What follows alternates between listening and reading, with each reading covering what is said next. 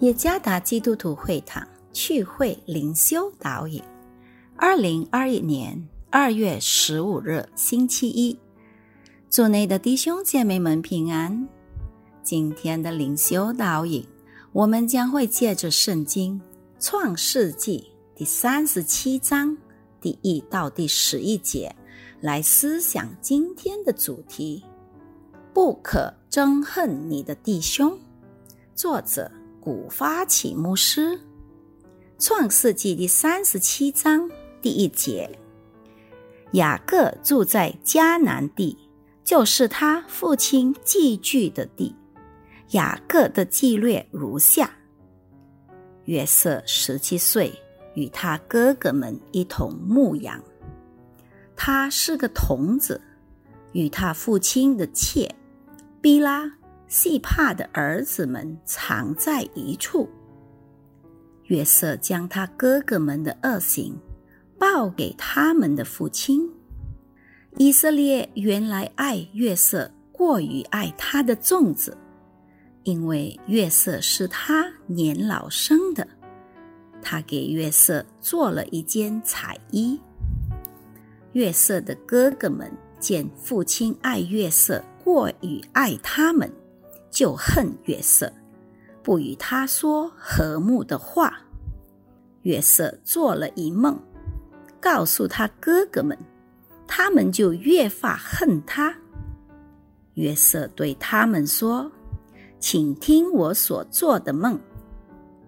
我们在田里捆禾家，我的捆起来站着，你们的捆来围着我的捆下拜。”他的哥哥们回答说：“难道你真要做我们的王吗？难道你真要管辖我们吗？”他们就因为他的梦和他的话，越发恨他。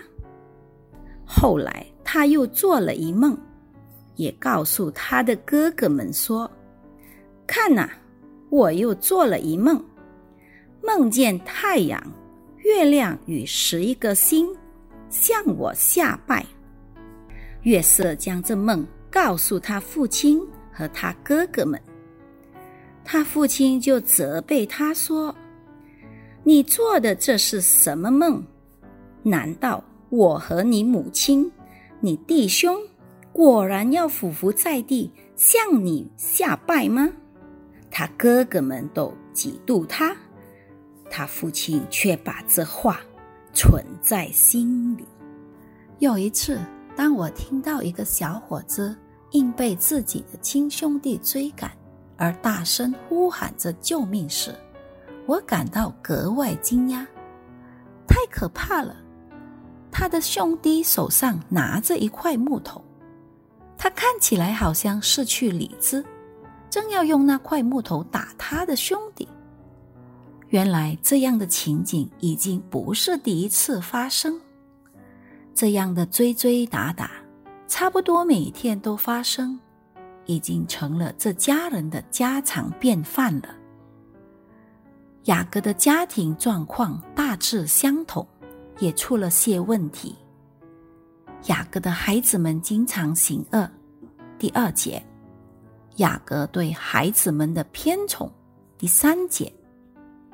与此同时，雅各的孩子们恨月色。第四、第八节，他们都嫉妒月色。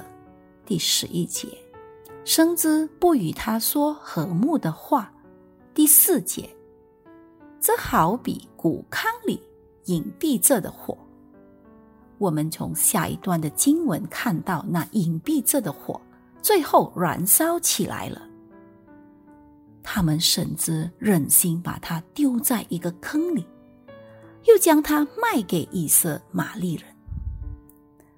倘若一个家庭里的成员经常互相敌对，那是很难经历到上帝所预备的和睦祝福。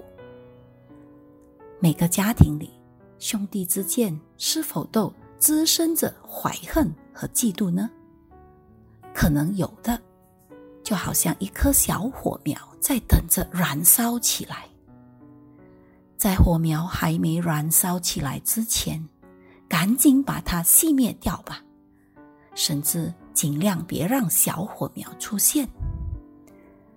基督在每个家庭、父母和子女中的同在是绝对至关重要的，以便谷糠里的小火苗不至于出现。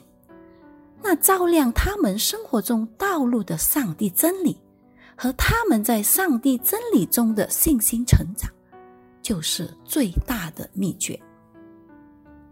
基督的同在，就是在家庭中创造和睦气氛的秘诀。愿上帝赐福于大家。